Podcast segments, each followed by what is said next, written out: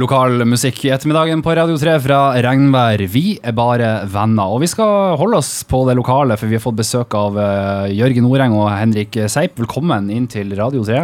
Takk. Tusen takk. Ja, veldig takk fine lokaler dere har fått her. Ja, du syns det? Jeg syns det. Ja, Vi trives veldig godt. Ja. Skal vi sette meg sånn så jeg ser, ser ansiktet ditt? ja, ja. Du, uh, Jørgen. Uh, Ja. Hva skjer uh, med Jodski, egentlig? Jodski ble jo død og begrava.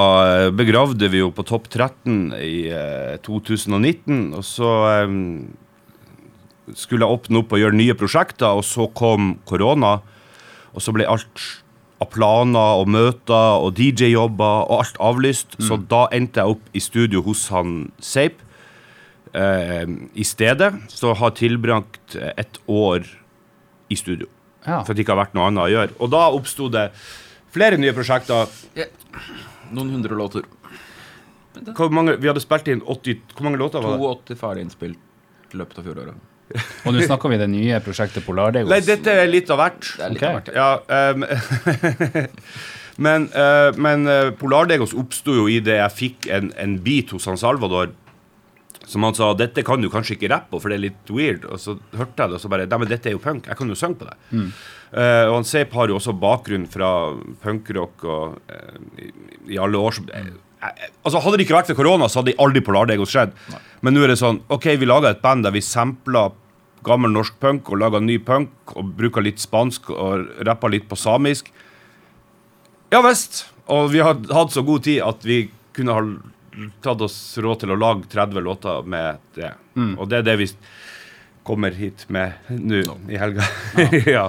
Men jeg må bare, for, Jolski han ble begravet samtidig som du bleika håret ditt. Nei, det var faktisk rett etterpå. Ok, ja. Mm. Eh, Det var en del av prosessen. Ok, ja. Ja. Eh, Forresten, veldig bra eh, skuespillerrolle du hadde i, Takk. i serien. jeg har ikke tort å se det sjøl. TV-serien ble jo eh, en av de mest slakta TV-seriene i Norges historie. Med eh, to av de beste skuespillerne. Så det, det, var noe, det var noe som skjedde der. Men det var veldig artig. Det var kult å gjøre noe sånt. Ja, det var kjempeartig. Jeg gjør det gjerne igjen. Ja. Si det sånn. Henrik, hva er Polardegos egentlig? Jævlig mye rart shit vi har fått fra Salvador som ble til noe jævla morsomt nå, og mulighet til å gjøre mye punkrock-ting. Jeg har ikke fått gjort punkrock på 15 år, så det var så jævla deilig å gjøre det. Eh, mye energi. Uh, mye fint, deilig sinne. Det er fint. Ja. Det er, jo, det er jo bare Det er litt sånn Overskuddsprosjekter, på en måte. Det føles, som, det føles ikke som altså, Når du rapper sånn som jeg gjorde i, i så mange år, så ble jo Jodski jobben min, hvis du skjønner. Nå går du på jobb, nå skal du skrive en låt, og så skal du Mens Polardegos er jo det motsatte. Dette er det vi gjør når vi er ferdig på jobb, og så skal vi kose oss. Ja. Uh, det er litt sånn, og så er Er det ikke sånn musikk egentlig skal være? jo, det er jo det det skal være. Det er det det skal være, og det er derfor det, det er viktig, og spesielt når du har, har holdt på så lenge som jeg har gjort, at det er viktig å bryte opp litt av og til. Og, og, og Polardagos er jo et, et band. Vi jo, det er jo jeg og han Seip, og så er det han Rune Mareliussen, som er old school hiphop-DJ fra 80-tallet, og så er det jo Hanna Rein, som er, har bakgrunn i cyanid og eh, Biru Baby og, og samisk eh, punkrock. Og så er det han Salvador, som har laga hiphop like lenge som meg. Så det er sånn eh, merkelig, merkelig blanding av folk. Merkelig musikk. Dette er ikke det vi hadde gjort hvis vi hadde tenkt sånn Hva er det neste jeg burde gjøre i karrieren min for å tjene penger? Skal vi se mm, Jo Nei, det er ikke det. Men, eh, men, eh, men eh, jeg, jeg tror Altså, man Seip sier at han, han har ikke hatt det så artig på, på 15 år. Nei, det er ikke snakka om. Det har ikke jeg heller. Dette er, sånn, det er litt som å begynne på nytt. Okay. på en måte. Ja. Ja. Og så uh, anything goes er det som er mottoet. Det første jeg tenkte når jeg hørte på sånn kjapt gjennom låtene deres, det var at det her det blir jo Ida Maria å like. Ja, det håper jeg jo. Eh, hun liker det jo. Ja. Det kan jeg jo røpe. Ja. Eh, Men dere har med dere ei som heter Hanna. Ja, Hanna Eh, Rein, ja. Mm. Eh, Og hun, eh, det, det er hun som har det samiske pustet i, i låta. Fortell litt om det samarbeidet der, da. Eh, nei, og Hanna Rein hun slo jo gjennom et band som heter Cyanid. De hadde, de hadde hovedlåten på Kill Buljo-filmen. Og De var sånn pop-punk-band fra Alta. Og så Jenteband. Og så holdt de på å slå gjennom, og så bare bestemte de seg for at vet du hva, vi gidder ikke.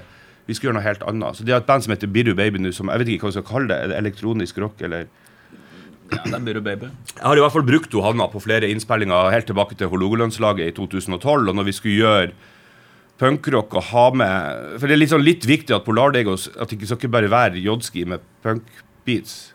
Det skal være eh, et band. Og da var hun den første jeg tenkte på, rett og slett. Mm. For Hun har også en sånn scenepersonlighet som er helt Helt, helt I en annen verden. Ja. Så bra.